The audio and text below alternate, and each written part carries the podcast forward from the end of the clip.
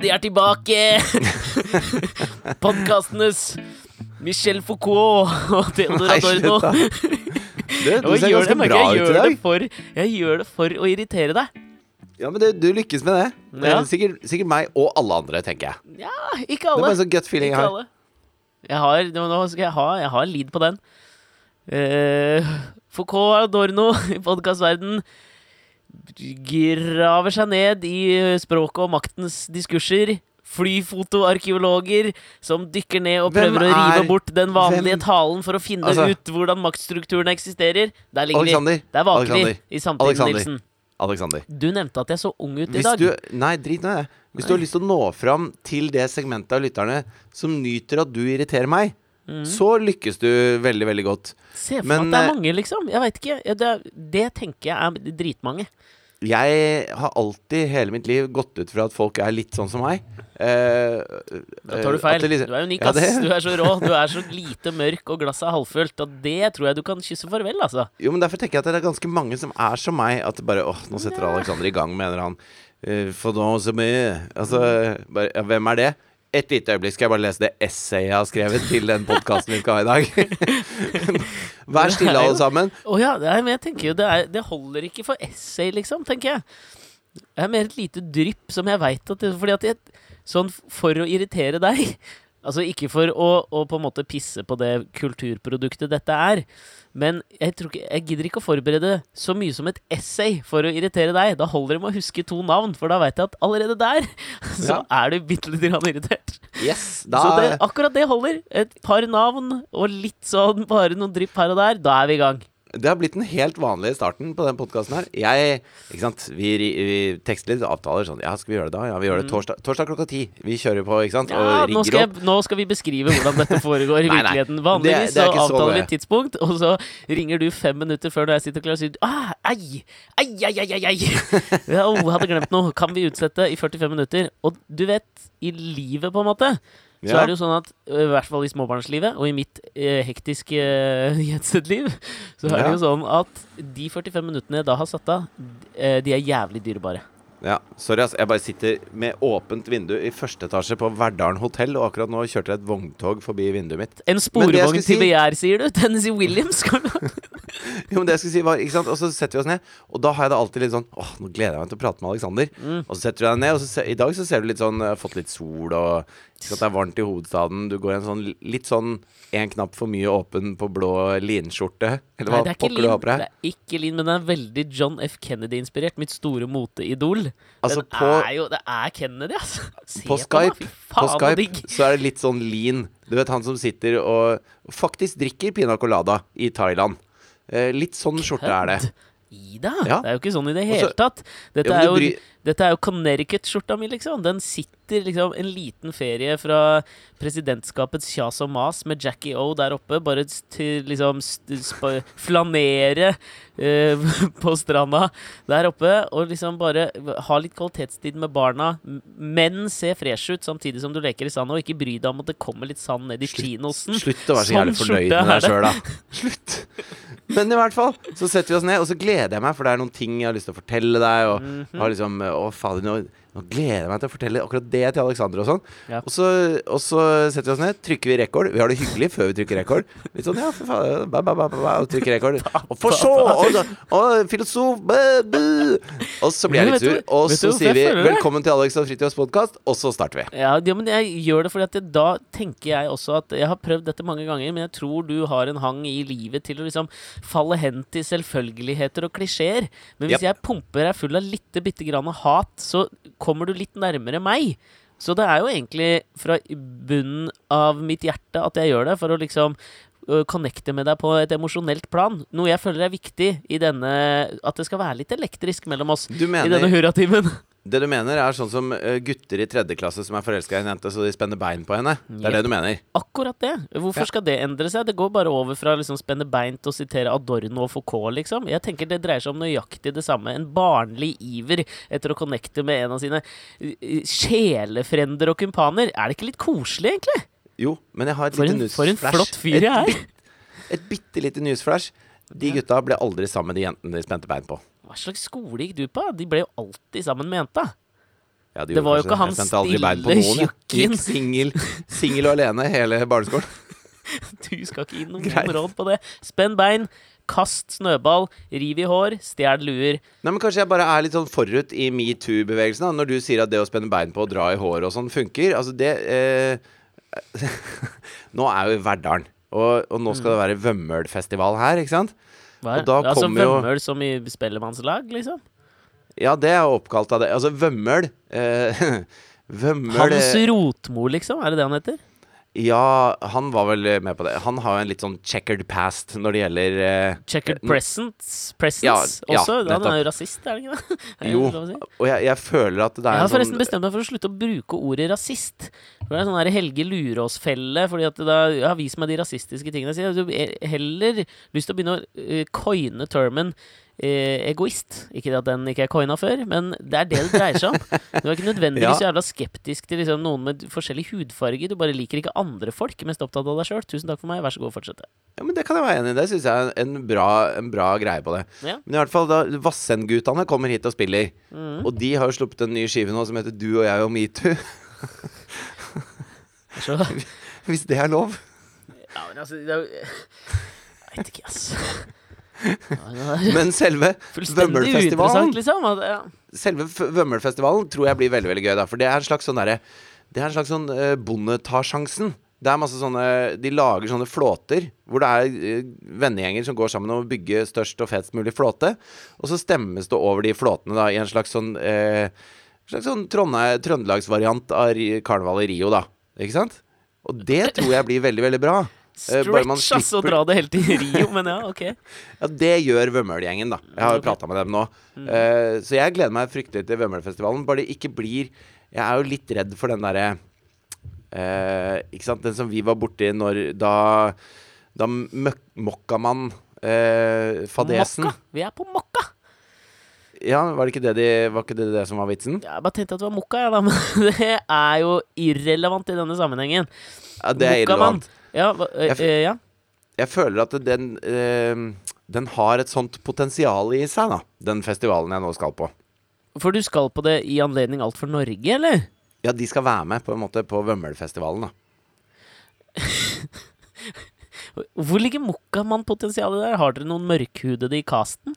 Nei, det er ikke det jeg mener. Jeg bare mener at det, ikke sant eh, Når du kaller skiva di for uh, Du og jeg og metoo, Mm. uh, og, og det er liksom uh, Rotmo har vært med å, å starte Vømmøl spellemannslag, og det er en sånn derre En eim av det fremmedfiendtlige Bygde-Norge over det, så tror jeg ikke nødvendigvis det, at det er de ja, men jeg, jeg tror ikke det er det de folka som nødvendigvis er med på det. Men jeg, jeg bare, det, det har en sånn Det har en broket start, da. Hvis man skal kalle det. Ja, jeg kan skjønne, men jeg tenker det er jo jævlig lett for oss caffè latte-drikkende hovedstadsbeboere å forveksle fremmedfiendtlighet med egentlig bare en, eh, en sunn skepsis til byrden som påføres de uh, bitte små distrikter hva gjelder på en måte kommunalpolitikk.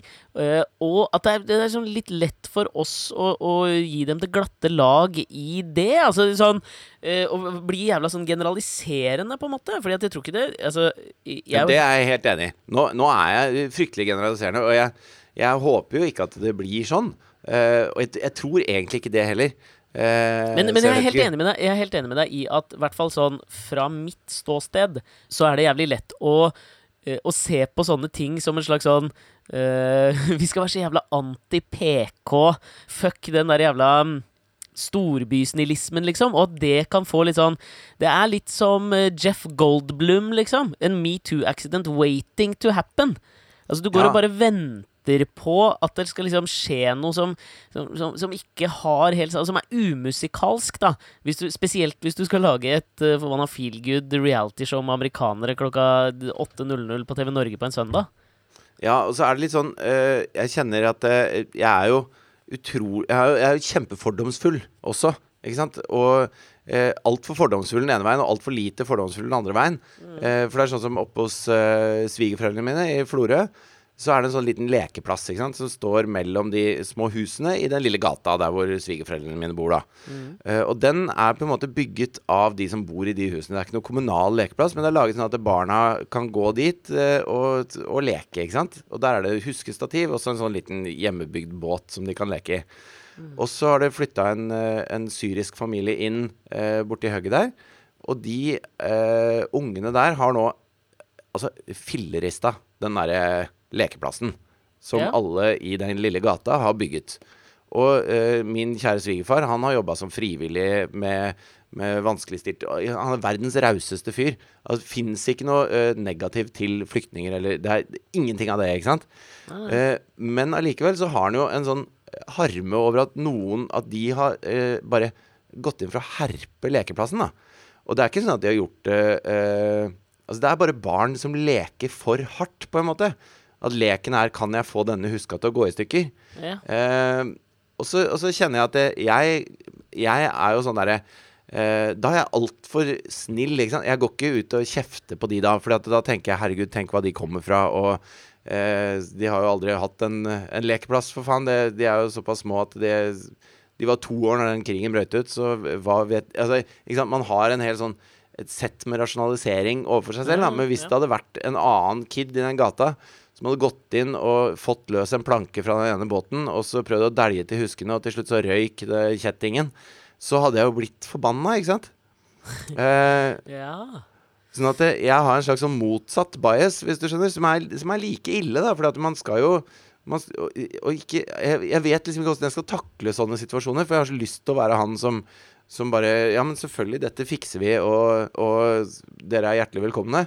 Eh, men samtidig så skjønner jeg hvorfor folk blir irritert når sånne ting skjer. Men det er der reaksjonene på den PK-snillismen kommer, tror jeg. For det er jo på en måte bjørnetjenestens evige spiral, akkurat det der. Du gjør jo ingen godt i å ikke si fra om at uh, man ødelegger ikke lekestativ.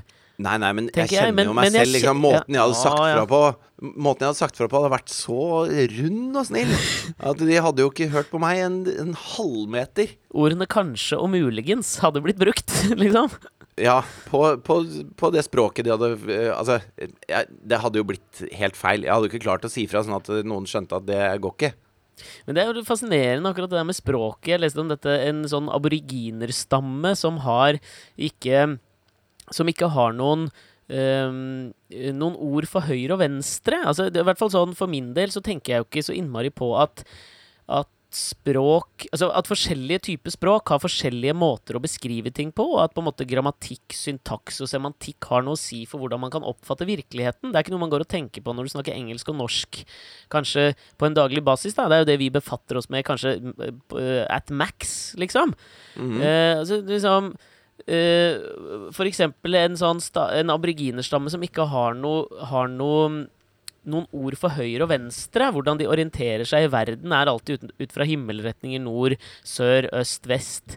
Så liksom, hvor er du på vei? Nei, nordøst. Du sier ikke liksom Nei, jeg skal, jeg skal til høyre eller venstre ned gata? Jeg skal til nordøst og sånn.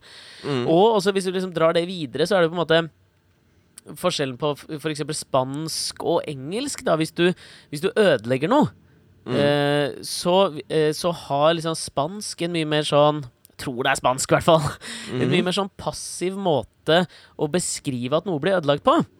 Så det vil si at eh, liksom, lekestativet ble ødelagt, mens du på engelsk ville sagt liksom He broke the place that I've. Skjønner du? ja. og bare der, bare i den lille liksom Den lille forskjellen i hvordan Jo, jeg, man uttrykker det, så jo, men det, det kan jeg skjønne med spanjoler. De er bare sånn der det, eh. Altså, Sergio Ramos i CL-finalen, liksom. Sala falt Ja, ja. på meg, liksom. Det Ja, Sala, altså eh, Sala det, var som, det var ikke jeg som reiv i stykker noe leddbånd i skulderen. Så, så, Ja, men det er liksom Sala ble felt. eh, Altså, skulderen hans har det vondt. Ja. Men altså, bare det er jo liksom sånn Språkets små idiosynkrasier. Bare derfor- akkurat i det. Det er sikkert derfor det heter å ta en spansk en. Sånn derre Nå kjørte du på rødt lys. Nja Altså Nei. Jeg bare tok en Altså der. skulle den veien, altså. Ja, men se der. Der løsna vi opp i den også, hvor den kommer fra. Men ikke sant, Men det jeg, er jo men jeg hørte et intervju med en fyr som eh, jo, bare, jeg må bare, For å avslutte, Ja. så tenker jeg liksom De ville sikkert sånn Eller det var en sånn ting jeg ville gått inn i en sånn irettesettelse av syriske flyktninger med, var jo at liksom Hvordan kan jeg grammatisk bygge opp denne setningen slik at de ikke opplever at jeg anklager dem, men at jeg heller tar en spansk en og er liksom sånn Vi ser helst at uh, lekestativ ikke ødelegges. Altså ikke bruke pronomen, liksom. Skjønner du hva jeg mener? Bare for å Ja, eller kanskje man skulle brukt eksempler, da. Sånn, tenk dere at det, denne lekeplassen her er eksempel Raqqa. Altså, hvis Ja, dere er? Hvis dere er litt mer FSA liksom? og litt mindre Assad, så hadde det vært kjempehyggelig. Dere har sett bilder av Raqqa før og etter Assad, ikke sant? Snakk om å ta Det er liksom sånn Når du leser i så Lonely Planet, så velger du the scenic route til å på en måte Ja, ja. Men han jeg hørte om som hadde bodd, han hadde bodd Det var dypt i Amazonas. Det har kommet, brukt lang, lang tid på å komme seg inn på en sånn stamme som ingen egentlig hadde fått noe meningsfull kontakt med. Tor Eh, Heyerdahl het den. Humor! Som eh, var jævlig aggressiv, da. Aggressiv stamme. eh, som ikke slapp noen innpå seg. Eh, aggressiv gjeng. Mulig jeg generaliserer litt nå, men det, la det være sånn. Eh, og så til slutt så kom han såpass tett innpå dem at han fikk lov til å lære språket deres. Og, brukte, og bodde sammen med dem i flere år og sånn. Ja. Og de hadde en sånn herre Slags sånn uh, uh, Når de gikk inn i sånn transer, de spiste noe greier i skauen som sikkert eh, eh, ga det en slags eh, psykose. Uh, Høres så- ut som så- sånn Hva heter den ayahuasca-dritten som alle kjendiser drar ned til Peru Ja. for å oppleve noe, og så spyr du. Så får Noe du en eller annen innsikt. opplegg. Faen, Eh, det er en, en irriterende når Chelsea Handler drar ned for å teste den dritten der. Altså, jeg blir irritert, jeg. Finn på noe annet. All, Ja, okay. Alle land har liksom én programleder som har dratt ned for å teste den jævla ayahuasca, eller hva faen det heter. Ja, det er Finn på noe nyere. fluesopp, ikke sant? Det, det, det vikingene brukte fluesopp til, det er det de bruker til det. Ja, men faen, når de- her mer original. Takk for meg. Jo, men de vet jo ikke det. Den stammen som ingen har prata med noen gang, vet jo ikke at det er Stammen er jo uoriginalt. originale som faen. Det er alle de Ja. der køddene som oppsøker dem hele tida og skal liksom vise seg som på kønten. Det blir jeg irritert av. Det er ikke på kønten å ta rusmidler lenger. Hvis man kan si på kønten, da. Ja. Er det liksom Nordstrand-måten å si på kanten på? Er det når du har kneppa opp to knapper på den blå Kennedy-skjorta di, så sier du på kønten? Da sitter det. Ok, jeg skjønner. Men i hvert fall, de hadde et ord for den sinnsstemningen som var en sånn slags psykose som de, som de på en måte mediterte og messa seg fram til med noen rusmidler og noe greier. Mm. Som var egentlig jævlig klaustrofobisk og, og, og Altså, man ble redd av det, da. Det var en sånn eh, depresjonslignende tilstand, men som de mente ga et, et høyere innblikk i livet, eller noe sånt. Kanskje det Ja. derfor de var så aggressive. Men i hvert fall, etter at han hadde lært sjelden lært aggressiv med depresjon? Gjør du det? Eller ja, der skal jeg snakke jævla forsiktig, ass. Det vet jeg ikke. Snakker Men- bare om min egen, jeg. Da ble jeg jævla litt aggressiv. Men i hvert fall etter at han hadde lært det ordet og Takk for- settingen rundt det ordet og Takk alt for mulig sånn, medfølelsen der. Og, og fått et begrep om det språket og kjent det på kroppen, så ble det et ord han kunne bruke til å sette liksom, ord på noen følelser han hadde etter at han kom hjem. Og det var følelser han ikke hadde hatt før det, fordi at det hadde ikke eh, noe boks å bli putta i inni hodet hans, ikke sant? Det var en sånn Ja, jeg, jeg er deppa, eller jeg er jeg føler verden klaustrofobisk nå, men ingen av de var liksom dekkende. Men når de klarte å ha et dekkende ord på det, så ble det plutselig en reell følelse for han. Og, og sånn eh, mener jo at man har det med språk. At man trenger eh, språket for å sette det i system i hjernen, sånn at man faktisk klarer å, å begripe det følelseslivet man har, og begripe det som skjer rundt. da At du, du ser ikke det du ikke klarer å sette ord på, på en måte. Ja, men det er liksom så russere som har så jævla mange Er det ikke russere som er så jævla godt utstyrt til å beskrive farger, eksempel? Sånn som vi har fargen Vi sier blå. Du sa min blå skjorte. Kanskje du drista deg til lyseblå, liksom. Ja. Mens for russere så er det liksom ikke Blå eksisterer ikke. Du har liksom alle fasettene av blå, og de sier det, og du lærer, du lærer de fra du er bitte, bitte liten. Og det gir jo meg en følelse av at russere er liksom jeg vet ikke, emosjonelt mer utstyrt til å ta inn verden slik Maria Mena gjør det, i farger, liksom. Ja, de er liksom menneskehetens mantisreker.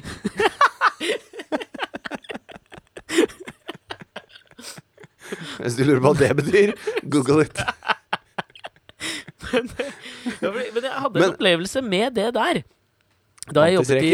Nei, ikke mantisreker, men det der å på en måte oppleve et nytt ord for første gang. Og så, fordi det, det merka jeg var jævlig, jævlig vanskelig. Eh, så all kudos til han Tor Heyerdahl-etterligningen som gjorde dette her. Fordi at det, da jeg jobbet der, så foregikk jo hverdagen min på engelsk i nesten et år. Da du jobbet i Future Group? Ja, og da prata vi litt om det at når du liksom prater eh, second language hele eh, døgnet så, mm. så på et tidspunkt så begynte jeg liksom å drømme på engelsk, og at det ble Kanskje folk til og med la merke til det i podkasten at det, jeg hadde eh, stadig flere anglisismer, liksom, enn en ja, før. jeg har ikke lagt merke til det i det hele tatt. Artig. Ja. Men der så, uh, satt jeg i lunsjen med en amerikaner en dag, og så sa han et ord for å beskrive det han spiste, som mm. jeg på en måte ikke kjente. Han sa 'Hey man, this was pretty savory'. Ja. Har du hørt det før? Ja, ja. Ja, savory. Og Da er det jeg liksom litt Ja, ikke Eh. sant. Og så ba jeg han Kan du beskrive savory? Hva faen, Er det søtt? Er det salt? Og så er det mer sånn Han klarte jo ikke å gi meg en referanseramme til å forstå det. Savory er ikke søtt. Det er ikke surt. Det er ikke salt. Nei. Det er ikke bittert. Det er ikke umami. Det har, har noe med tekstur å gjøre. Som, Ja, det er saftig, men det må være Det er mat som har fett i seg. Det må være fett og saftig, for en på en biff måte. kan og være savory. Ja, og smaksrikt. Ja, men jeg skjønner fortsatt ikke hvordan Fordi da prøvde jeg å ta det inn og tenke sånn der, og lunsj dagen etter prøvde å bruke, bruke savory. Ja, det var feil. Fikk stryk, på en måte. okay. Så det der å, å internalisere nye ord faen, Det er grisevanskelig. Tenk deg bare lære et nytt språk da, hvor alle ord Si at du er russer og kommer til Norge, liksom, og så sier vi blå. Jo, Altså men det det snakkes det Eller syriske flyktninger da, som kommer til en Altså- lekeplass, og så sier hun nei. Nei betyr tja i Syria, ass. Tenker jeg. Jo men, jo, men det er noen ord sånn, sånn type skål og Ikke sant? Det er ikke alle ord som har masse tolkning i seg. Nei, men jeg bare tenker, det spørs jo referanserammen din og hvor du kommer fra, da. Ja. Kanskje altså, kanskje eskimoer føler jeg go to-tingen når du snakker om språk og mange ord for ting. Ja, som har Eskimoer. 2000 ord for snø. De har jo ikke det. Har det ikke det? Er bare en myte, det der. Men jeg tenker ah, ja. kanskje skå, altså, Jeg mener jo at skålen har jo en myriade av fasetter, den også. Altså Du kan ha en blidskål, en trist skål, en hyllestskål, en litt mer sånn 'nå skal vi faen meg ta oss sammen og bare finishe dette skål'. Du kan ha en, en ensom skål. Du kan, altså, det, Ja. er, er sånn, det fins sikkert et språk som har skålefasett i språket Ja, det sitt. gjør det garantert. Ikke sant? Jeg føler at det er tysk. Jeg er enig. Der er de mye skålefasetter. Ja, det, der er det samklang med tysk. Men jeg, jeg, det som er Altså, jeg hadde en eh, en ganske sånn eh, fæl opplevelse her, egentlig, i forgårs. Fordi at eh, kjedet på sykkelen min har røket. Åh, mørkt, ass. Ja, eh, Nei, men det er ikke så mørkt. Men eh, eh, Og så tenkte jeg det må jeg fikse. Og Oslo Velo, som er en sånn derre sjappe som ligger rett ved der hvor jeg bor, det er sånn De er ordentlige sykkelnerder. Det er liksom fire sykkelreparatører på jobb, selv om det ikke er en eneste kunde. Alle har sånn du vet sånn caps med sånn kort skyggelue, sånn som de hadde på Å, ja. 80-tallet når de sykla Tour de France. Bak frem. Dag Otto Lauritzen har 400 av de capsene der.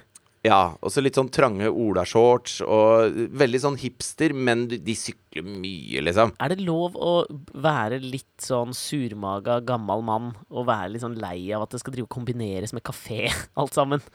Jo, Kan du jo. bare Lag kaffe, eller så bare fiks sykler, liksom. Hvorfor skal du jo Ja. kombinere den dritten? Det er faen meg perverteringen er- av fusion-kjøkkenet. Jeg hater den dritten der, ass. Jo, men det er jo et slags eh, Altså, det er jo to forskjellige sjapper, da. Den kafédelen og sykkelreparatørdelen. Det er mer som et storsenter, bare veldig småsenter, hvis du skjønner. For noe jævla dritt. Fortsett. Men uansett, jeg kommer inn, og dette er en sykkel som jeg kjøpte for fem år siden for 1800 kroner på G-sport, ikke sant. Mm. Eh, 21 gir, kjempefin. Eh, og så oh, kommer jeg inn du, husker du tiden hvor på en måte din coolness ble målt i hvor mange gir du hadde på sykkelen, eller? Å, yes. Faen, Da det ass. hadde du nok gir, så slapp du å spenne bein, for å si det sånn. gjorde du, ass. Hadde du Kilimanjaro, i hvert fall på min tid Fikk aldri Kilimanjaro. Fikk alltid en eller annen kjipt rosa alternativ. Sånn dritten der, ass, med. Miata eller noe sånt Ja, ekkelt. du vet sånn der som ikke er merkevare, liksom. Det var ikke Snickers, det var Plikkers, liksom. Så kommer jeg trillende med sykkelen, og jeg er egentlig ganske blid. Tenker nå, sola skinner her, og jeg har lyst, på, jeg har lyst til å sykle litt. Og så sier Jeg Jeg ser ikke for meg deg på en sykkel. Jeg vet ikke hvorfor. Ja, men jeg er veldig lite sykkelkompatibel. Ja, du har Eh, for lang kropp. jeg vet det. Jeg trenger egentlig sånn nå. dansk sykkel. Ja, du har sånn for lang oppreist overkropp. sykkel. Ja, det er Ja. det. Nesten veltepetter kunne jeg hatt. Veldig veltepetter-kompatibel type. Veltepetter og pipe, da Det, er, Det hadde vært innertier. Kan Men du i hvert fall- anlegge bart, eller?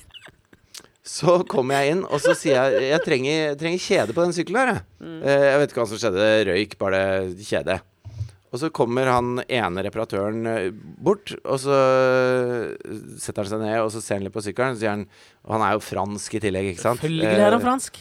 Så han har en sånn uh, aksent Uh, som jeg skal drite i å ha fra nå av. Ja. Uh, og så sier han ja, men her er jo Altså, kranken din er helt utslitt, og Ah, mon chéri, dine kranker er helt utslitt. utslitt. Dine kranker er helt utslitt, så du må jo bytte den og den, og du må bytte dette, og, og så videre. Så dette her Ja, dette kommer til å koste Og så sier han liksom at det blir ganske dyrt, da. Mhm. Og så sier jeg men dette var jo en ganske billig sykkel. eh, altså, er det verdt det? Og Så sier han ja, det blir opp til deg. Se for meg at du er typen som kan bli lurt i sykkelsjapper.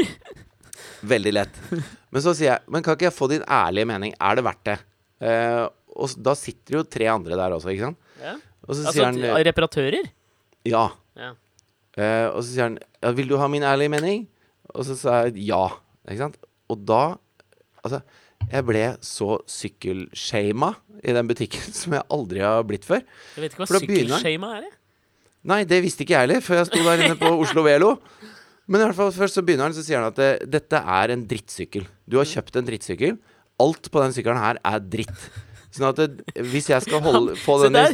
Her ser vi språkets idiosynkrasier in action, liksom. Du ville bare ha den ærlige meningen om kjede, men han tok liksom livet ditt. Og så syns jeg valg av skjorte er feil. Håret Men- ditt er uh, begynner å bli du, nå må du høre meg ferdig. Okay. Ja, og, så, og så sier han Så dette er en drittsykkel, sånn at jeg kan fikse den nå. Bytte de krankene og sette på kjede. Kommer til å koste deg 1500-2000 kroner. Så kommer du til å komme tilbake neste år, og så må jeg fikse den en gang til. Og sånn kommer det til å være hvert år. Ja. Eh, Og da er det ikke sikkert at det er kjede som ryker, men det er noe annet som ryker. For du har kjøpt en jævla drittsykkel. Men hvis du nå går og kaster den, så er det eh, helt ræva for miljøet. Ikke sant? For jeg er så drittlei av sånne folk som kjøper billige drittsykler, og så kaster de en gang i året. De syklene her er, er lagd på slavelønn nede i Asia. Og bruker masse metall og masse greier. Sånn at uh, den der bruk-og-kast-mentaliteten som fins rundt omkring, den ødelegger miljøet fullstendig. Så for å være helt ærlig, jeg aner ikke hva du skal gjøre. Og så sto jeg der, så, Rå så Men mener du at, eh, at liksom Alternativene mine er å bruke 10 000 kroner på å reparere den drittsykkelen de neste fem årene. Eh, fordi jeg ikke kan kaste den, for da er jeg et miljøsvin? Er det det du prøver å si? Og så trekker det på skuldrene, og så sier jeg bare sånn eh, Tusen takk for hjelpen. Nå Ja, da går jeg. Takk for meg. Og så går jeg ut døra. Og så, når jeg kommer hjem, da, så har jeg fått en mail på Facebook fra en annen som si jobber på Oslo Velo. Ikke si Og mail en- på Facebook. En message, var det det vi ble enige om? Det var vi enige om. En PM. Det heter Eh. Det heter DM. Bli yngre. DM? Hva står det for, da? Direct message, gjør det ikke det? Er det ikke en PM, da? Jeg veit ikke. Jeg bare PM. føler at man sier slide inn i noens DM. Ja, men eh, hvis det står Vær sånn yngre i språket ditt, da, mann! Har du et tips, så send meg en eh, PM. Ja, man gjør kanskje det, ass. Jeg vet ikke. Kanskje jeg får internert tror noe. Faen, nå ødelegger denne historien her. Sorry. Så gynger etter. Nei, den gjør, jeg gjør ikke det. Jeg, jeg mener at jeg ikke gjør det. Jeg er eh, emosjonelt investert, altså. Ok, men i hvert fall Så får jeg da en mail fra en annen fyr som jobber der. Ikke si det! Ikke fortsett å si feil, Nei, men la meg prate, da! Så har han satt noen bokstaver sammen som han har sendt meg på et vis gjennom Facebook. Ja, Holder det, eller? Er det greit? det er greit. Eh, en ganske lang DM. og så uh, Hvor han liksom uh, sier sånn uh, Jeg må bare unnskylde for åssen du ble behandlet i sted. Vi var midt i en krangel her rett før du kom inn, og sykkelen din fikk en, en litt for ærlig reaksjon, mildt sagt. Okay. og så sier han Og det var ikke meningen at du skulle få den brutale behandlingen. Så han sier liksom unnskyld. Men han sier jo også at han er jo helt enig, og jeg er jo også helt enig. ikke sant? Og det var det som var jævlig kult med det. Fordi at jeg har tenkt masse på det etterpå. Fordi at det, når jeg kommer som en novise inn i den butikken Jeg sykler eh, med ungene, og jeg foretrekker sparkesykkel og moped liksom, framfor tråsykkel. For hvis jeg tråsykler lenge, så får jeg vondt i ryggen. Sånn er det. Uh, så jeg kommer inn som en, som en idiot på sykler, og så kommer jeg inn til sånn sylproffer. Eh, og, så, og så har jo de rett, selvfølgelig, i alt de sier. Og jeg har feil. Men han åpner ikke døra for meg, fordi at argumentene hans er for gode. Eh, han burde sagt altså, for, for det første, jeg kjøper jo ikke sykkel en gang i året. Den sykkelen har holdt i fem år for meg. Den så lite sykler jeg. Ja. Den drittsykkelen der. Ehm, men uh, jeg har tenkt så mye på det i forbindelse med sant, hvordan vi snakker om politikk, f.eks. Ja. Altså de, de andre folka som mener det andre, de er noen jævla idioter. Mm. For de har ikke skjønt dette og dette og dette og dette, og vi har alle alle våre argumenter føler vi er på plass, ikke sant? Mm. Og så har kanskje de eh, dypt inni der, så sitter kanskje de og tenker Altså, du har jo rett i det du sier nå, men hvis hele poenget ditt er å fortelle meg hvor jævla idiot jeg er, så kommer du ikke fram, liksom. Eh, for da, da lunter du ut av sykkelbutikken igjen da med det skrapet av en drittsykkel og vet ikke hva du skal gjøre. Vet ikke hvor du skal kaste den engang. Tør i hvert fall ikke gå på G-sport og kjøpe ny sykkel, og så har du ikke lyst til å gå på Oslo Velo og kjøpe ny sykkel. Eh, ikke sant? Så da, da ødelegger man den derre eh, forsøket på Ja. Ja, det forsøket på å så, eh, starte en dialog, da. Og, og det har jeg tenkt på veldig mye etterpå, fordi at det, Altså, jeg tenker fryktelig mye på politikk og sånn. Mm. Og det er veldig mange som er veldig uenige med meg i hva jeg mener. Det er jeg helt åpen for. Kristin Men jeg Clemet, mener blant helt annet. ærlig Hva sa du? Kristin Clemet, blant annet. Kristin Clemet, blant annet. Øh, Men jeg er øh, veldig sånn Jeg er veldig opptatt av de tingene jeg mener. Sånn at hvis jeg da kommer opp i en diskusjon med noen som kanskje ikke har tenkt like mye på det, så når jeg da presenterer øh, mine synspunkter, så høres jo det for så vidt riktig ut. Eh, hvis jeg møter Kristin Clemet, blant annet, så har hun tenkt ganske mye på sine synspunkter. Altså hun, hun blir jo ikke sykkelskjema, for hun kan en annen del av sykkelverdenen, liksom. Men eh, Men eh, jeg fikk liksom føle på Jeg følte at jeg fikk føle på kroppen hvordan det var å sitte på en fest, og så plutselig sier jeg er Trump-supporter, og så snur alle folka seg. Og så får du bare så hatten passer. Og så rekker du ikke å si hvorfor du kanskje er Trump-supporter, eller kanskje, du, kanskje det er bare 10 000 ting Trump har gjort du ikke visste om, men som alle andre på festen visste om. Og så føler du deg bare helt dum. Ikke sant? Eh, og, og det er jo så jævlig viktig å, å ikke ta den. Og heldigvis fikk jeg denne DM-en etterpå som gjorde at, eh, at døra ble åpna litt igjen. Men, men det var på en eller annen måte litt sunt for meg å føle meg som han Trump-supporteren på fest, hvis du skjønner. Eh, ja, jeg føler, ja, jeg skjønner nøyaktig hva du mener. Og det er liksom rart at man må ha det fra et eh, helt annet eh, en helt annen arena i livet for å kanskje skjønne overførbarheten da, til ting som betyr litt mer enn en sykkel. Føler at vi også Mhm. har toucha kanskje innom dette her når vi har prata, vi har prata mye om liksom identitetspolitikkens litt sånn negative spiral, kanskje, og sånn. Men det er jo liksom lett å sette de eh, Eller da beveger vi oss i den samme sfæren, ikke sant? Enn, på, vi gjør hvis vi Eller hvis du eksemplifiserer det med, med, med et sykkel sykkelshaming på Oslo Velo, og det er kanskje sunt, det, men jeg er usikker på en måte på hvordan man skal tilnærme seg akkurat denne problemstillingen. Og det tror jeg det er jævla mange som kjenner seg igjen i også. Det er jo jævla lett å, øh, å være kategorisk på egne meninger. Og så tenker jeg til en viss grad så er det sånn litt bra også. Fordi hvis du liksom tar et standpunkt, så krever det ryggrad, og det krever at du på en eller annen måte har tenkt igjennom. Og da kan det være altså sånn, Nå sier jeg ikke at bare det å ta et standpunkt nødvendigvis eh, betyr at, du, at det er gjennomtenkt, men på et eller annet nivå så har du vurdert noe, hvis du har tatt et Mm. standpunkt.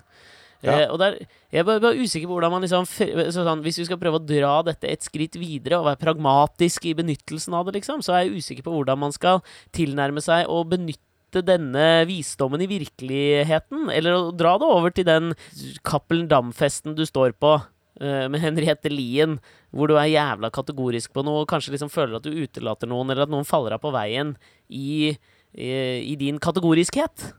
For jeg tenker akkurat i denne settingen så hadde det jo vært fint hvis eh, Ikke sant. Jeg skjønner at han som, som driver og reparerer sikkert masse forferdelige sykler også, hvor han tenker at dette her er Og, og er opptatt av miljøet, ikke sant, som jeg også eh, jo er. Eh, så tenker han jo da fy faen, det er, det er en helvetes greie at folk bare kjøper og kaster og kjøper og kaster og kjøper og kaster. Eh, eh, og så står han og hisser seg opp over det. Men når han da møter en, en kunde, da, eller en person som har en sånn sykkel, så kanskje, eh, kanskje man bør starte med å si ja, hva, hva, Hvorfor kjøpte du akkurat den sykkelen? Eller hva var det du tenkte da du gikk for å handle sykkel? Hva var det som var må? At du prøver å kartlegge litt hva er beslutningsprosessen her, da. Ja. Ja, fordi det var, det, det var akkurat det jeg tenkte på. Altså, Det skal ikke sitte i én podkast og referere til en annen podkast, men jeg veit at en som vi to begge hører på, det er den Planet Money-podkasten til NPR.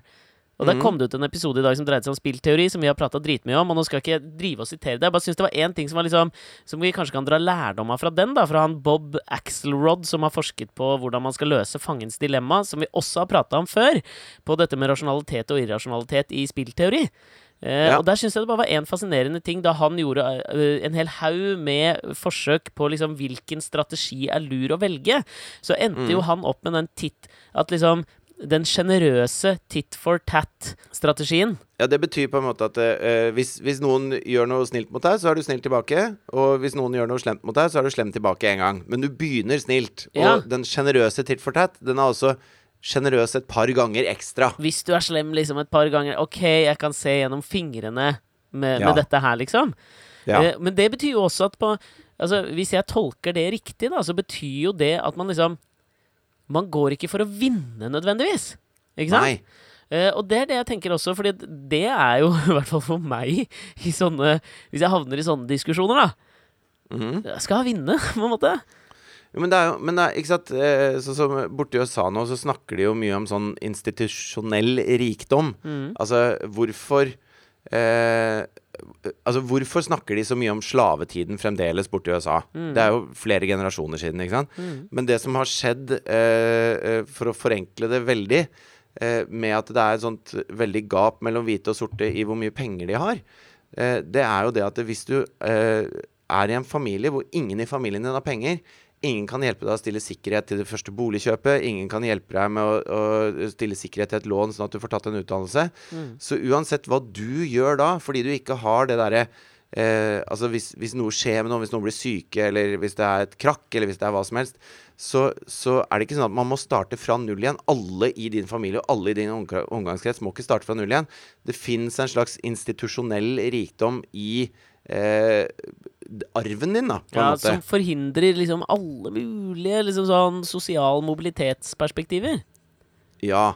Uh, sånn at det, selv om, selv om en, en hvit person er en self-made man borti USA, og selv om man ikke har fått noe penger av foreldrene for å starte butikken man har jobba opp, eller selv om man ikke har liksom følt at det har vært Dette er ikke fordi foreldrene hadde eh, nok penger til å ha et hus og en bil, men samtidig Ja, men det, så det, er det er liksom det, Jeg synes bare Et godt eksempel på det er jo også liksom perspektivet du har på det. Liksom I forlengelsen av det vi prater om, om på en måte at språket også kan kan gi noen fasetter som er forskjellige når, uh, når Donald, Tr Donald Trump sier at uh, han er en self-made man. Jeg startet med et lite lån fra faren min på en million dollar. Så handler det om et perspektiv du har på nettopp det du forklarer nå. ikke sant?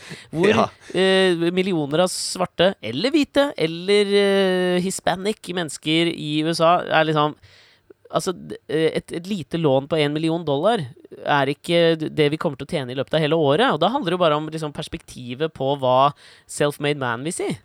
Ja, og jeg tror til og med de som ikke har fått noen ting av foreldrene, eh, som en sånn eh, lite lån på starten Men, de bare, men de bare, det fins en trygghet i familien på at det går ikke helt til helvete her, folkens. Sant? Du har alltid en fetter du kan ringe hvis du, hvis du ligger en måned tilbake på husleia. Så er det en onkel som kan låne deg 200 dollar, liksom. Eh, men hvis du kommer fra en familie hvor det ikke fins, så er det en slags sånn eh, eh, Altså, det blir et lokk som det er jævlig vanskelig å bryte igjennom, da.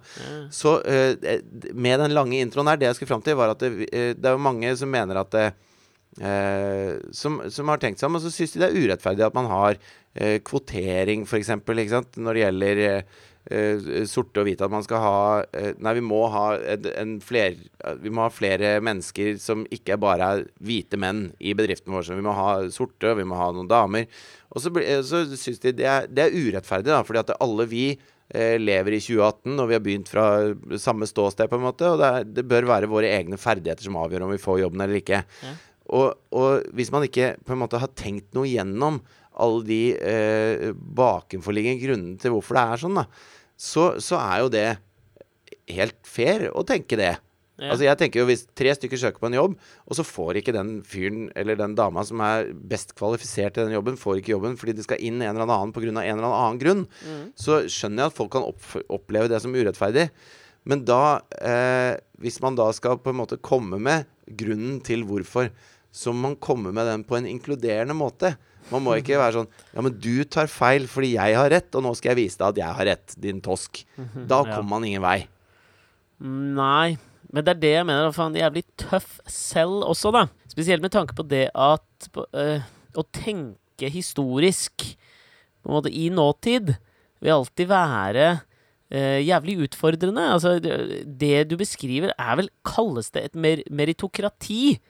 Ikke sant? Og så øh, er jeg usikker på om liksom Nei, Altså, altså, altså, et meritokrati er jo en slags eh, Det er illusjonen om at det er, det er bare det du selv har gjort, som er uh, grunnen til at du er der du er. ja, er. Jeg mener jo det, ikke sant? Ja. Og problemet der er at du ser bort ifra alle former for på en måte Kall det en viss institusjonell og historisk diskriminering, da. Som får, setter jævlig lange spor. Eh, Ja. Men hvis du på en måte Altså hvis du skal dra inn det i, For å ta det konkrete eksempelet i en ansettelsesprosess, Mhm. så tror jeg jeg også ville funnet det jævla vanskelig å svelge den forklaringen. Ja, ok, kanskje ikke en ansettelsesprosess, da, men de snakker om å ha f.eks. å opprette eh, egne banker for sorte, Mm. som har litt andre vilkår. Altså Det er jo sånn som vi holder på med Svalbard og for så vidt også Finnmark. Mm. Så er det jo andre Det er jo andre vilkår der enn det er sør i landet. For det er tøffere Det er tøffere å bo der, liksom. Enkelt og greit. Liksom. Ja. Ja, og det, og det er det. Eh, av klima og eh, alt mulig. Ja. Altså alt må fraktes mye lenger for å komme opp dit, sånn at det er mulig å kjøpe det i butikken. Og det er, eh, det er færre jobber der, og det er færre ting å gjøre, og det, det er tøffere liv. Mm. Og da, da gir man noen insentiver til å få folk til å være der. Ja, Er det lurt? Mye mer miljøvennlig å bo i byer. Ja, det fra et miljøperspektiv. Men, men, det, men der igjen, hvis han hadde vært litt mer sånn tit, generous tit for tat, denne franske reparatøren, så istedenfor at jeg hadde gått ut derfra med drittsykkelen min uten kjede, så hadde jeg sikkert gått ut derfra med en, en ny sykkel som jeg ikke trengte å kaste hele tiden. For jeg rakk ikke å si til han at eh, før jeg kjøpte den sykkelen her, så hadde jeg blitt frastjålet tre sykler på to år. Så jeg gadd ikke å legge 7000 kroner i det når jeg sykler fem ganger i året, liksom. Eh, og, og, og det mener jeg er innafor. Og, og jeg kaster ikke en sykkel i året. Den drittsykkelen her har holdt for meg i fem år. Og, og hvis jeg hadde sagt det, så hadde han sagt ja, men det kan jeg forstå. Men samtidig bør du tenke på dette og dette.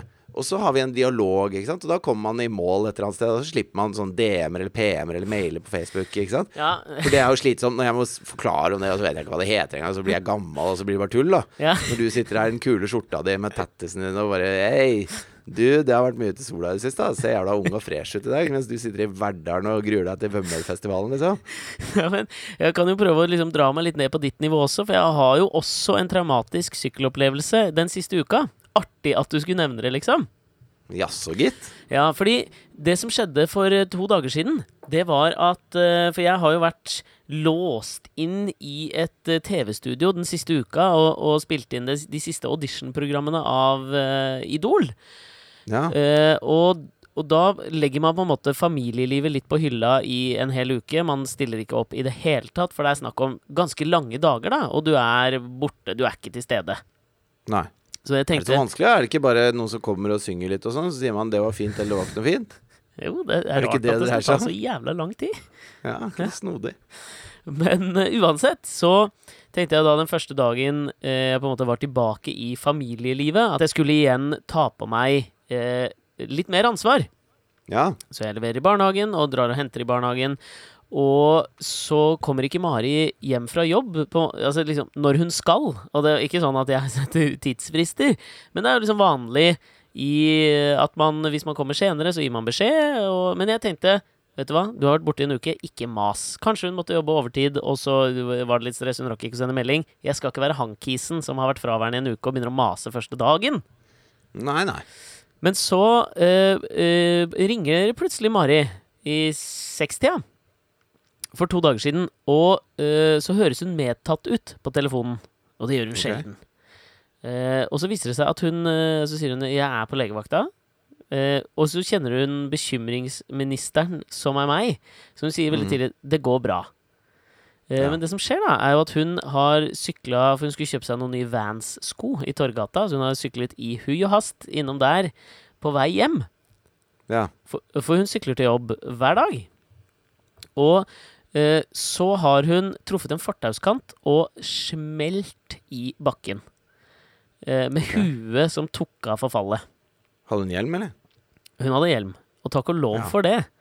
Fordi hun eh, smeller i bakken og blir liksom helt uh, goners. Det kommer noen og hjelper henne, da, heldigvis. Eh, artig side note på hvem det var. Det var jo da våre kolleger i Sabona, som har tatt vare Ja. på sykkel, og som eh, fiksa henne, liksom. Ja. Eh, hør dere tilbake, eller google Sabona. Det gidder jeg ikke å gå inn på. Men det som skjer, da, er at det, heldigvis er det en sykepleier som tilfeldigvis passerer forbi i Torgata. Så hun Mhm. kommer løpende til og stiller de der kontrollspørsmålene som du gjør på film. type, ikke sant? Hva heter du? Og da klarer hun liksom å svare Mari. Og så spør hun hvilken dag er det i dag? Om, Ja. Og hun har ikke sjans til å svare. Hun har ingen anelse hvilken dag det er. Og da sier jo hun sykepleieren 'ring ambulanse med en gang', så Mari blir henta av ambulanse i Torgata. Kjørt til legevakta, får påvist en kraftig hjernerystelse, og så er det jo Trynet er jo boblete og fullt av blod, liksom. Ok.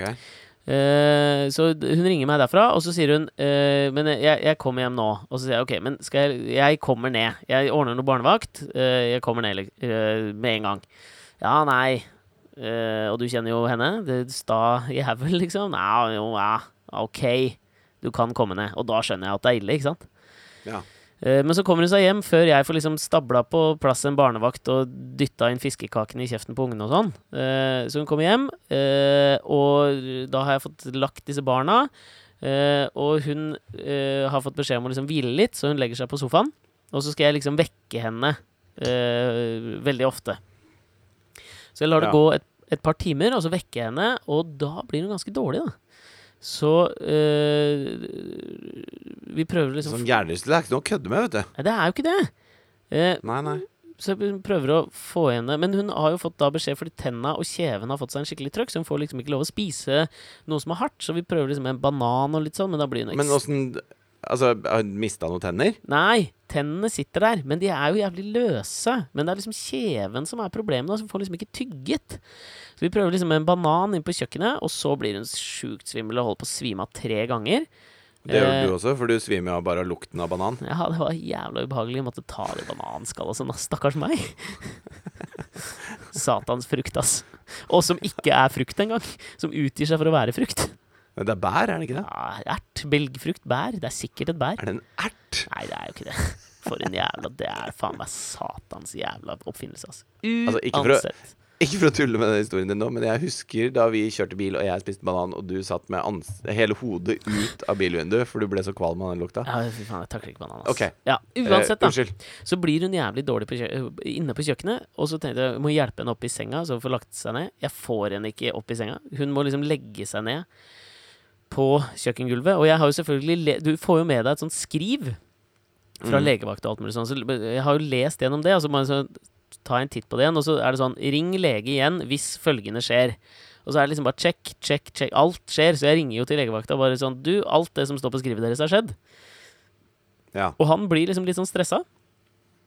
Eh, og det tenker jeg jo ikke er bra. og setter meg over til 113. Og det kommer en ambulanse hjem. Eh, Ja. Og de er også liksom litt for stressa for min nytelse, liksom. Mm. De tar det på alvor, og jeg hører liksom han, han, ene, han ene ambulansesjåføren Han ringer da opp til Ullevål sykehus, til en nevrokirurg, som spør Og jeg hører jo samtalen. Og så hun spør altså, ja. står det om liv og død. Og han ser på meg, og så svarer han jeg anbefaler sterkt at vi kommer. Og da Oi. Er jo jeg fucked. Oh, jeez. For jeg får det jo til å handle om meg igjen. Um, Men hun blir nå i hvert fall tatt med. Jeg får ordna barnevakt. Og så reiser jeg opp på Ullevål. Bort, ned, hvem bryr seg? Sørøst, nordvest til Ullevål. Ja.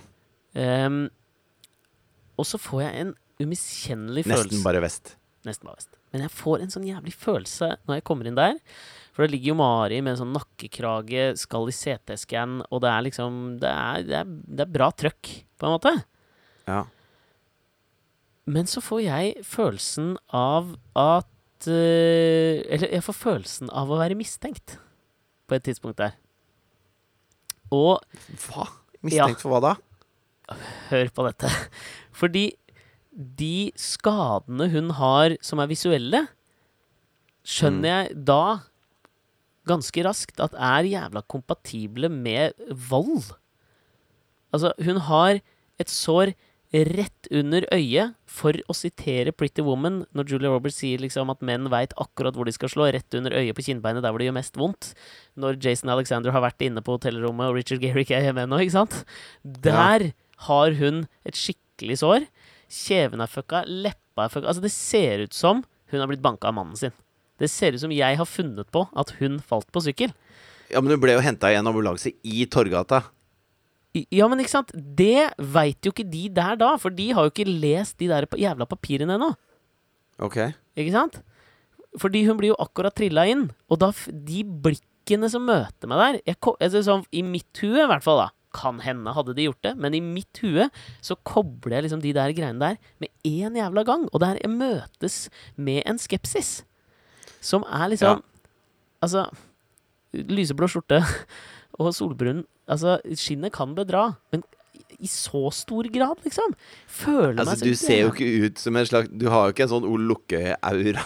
Nei, men er det liksom litt sånn der stillest vann har dypest grunn Altså sånn Jeg har jo Ja, altså, man veit vet aldri, så, uh, men øh, Så jævlig ekkelt, ja. Men åssen går det med Mari? ja, Drit i åssen du følte deg. Drit nå i den, da. Jeg kommer nå i hvert fall over dette her, da. Fordi det, på et tidspunkt så jeg føler jeg at jeg overkompenserer med liksom snillisme og kos på kinn og følge bårer og alt mulig. Så jeg tror på altså På et tidspunkt så leser de jo det og skjønner det, men bare den der følelsen Snakk om Altså, jeg liksom syns jo det høres mye mer mann som har banka kona si og fått dårlig samvittighet når han står på Ullevål og hun øh, ligger med nakkekrage og skal ta CT-scan. Ja, nei, men altså jeg, Ikke det at jeg skal få dette til å handle om meg, men bare i forlengelsen Den av det der hvor du sa. klapper henne på kinnet og, og, og hvisker i øret en sånn derre Husk hva historien er. Du aner ikke hva som venter deg hvis du sier noe annet. Det er liksom så, det er, fangens dilemma, liksom. Så jævlig fangens dilemma. Du får så jævlig mye mer deng hvis du tyster på meg nå. Oh, Jo, men altså, det Jeg tenkte mer på det i forlengelsen av det du sier om en eller annen slags form for institusjonell diskriminering. Da, at jeg kunne kjenne på institusjonenes vrede akkurat der. Jeg blir jo, jeg Ja. blir jo en, en fange i uh, helsevesenet. Altså, de kunne gjerne mistenkt meg der. For det var Ja. så, for meg så var det så kompatibelt med ekteskapelig vold. Ja. Men for faen, glem nå det. Det, det ordna seg. Uh, men det går bra nå. Det ble en natt på overvåkning og noe kjeveortopedi. Hun må tilbake, men det løser seg. Alt går bra. Jeg slapp unna helsevesenets klamme hånd. Uh, men fikk føle på det. Føler nå at jeg er bedre equipped til å liksom sette meg inn i andres situasjon. Eh, making a murder. Ja, jeg kan kjenne det på kroppen. Men sånn tung hjernerystelse, det betyr at hun ligger øh, flatt ut hun nå, en stund. Hun skal jo ikke ha noe stimuli av noe slag. Nei, det er jo vanskelig i et hus med en spilleoppmaker som meg og to kids. Men ja, målet er nå i hvert fall det. Jeg trekker tilbake. Stryk det fra protokollen, det jeg akkurat Det finnes, det finnes, for å sitere noe annet jeg hater, Ja. det finnes to typer folk. Det er de som omtaler seg selv som en spilloppmaker, og resten av oss. Ja, det er helt rett. Jeg, jeg, Stryk det, altså. Vi, vi jobber så hardt vi kan med å få Mari til å holde seg i ro. Ja. Ta det som en liten advarsel, da. På slutten av denne bedring. Jeg skal gjøre det. Og så ta det som en advarsel. Og han, bruk hjelm! Skal det liksom være moralen i denne uka? Bruk hjelm, for faen! Om det så er i livet som, et vars, som, et, som en slags uh, metaforisk beskyttelse mot uh, den institusjonelle diskrimineringen dere kan møte, eller om det bare er rent fysisk å møte asfalten i Torgata, så bruk nå den jævla hjelmen, da. Og ikke vær så forbanna utitt for tatt sjenerøse. Prøv å åpne opp.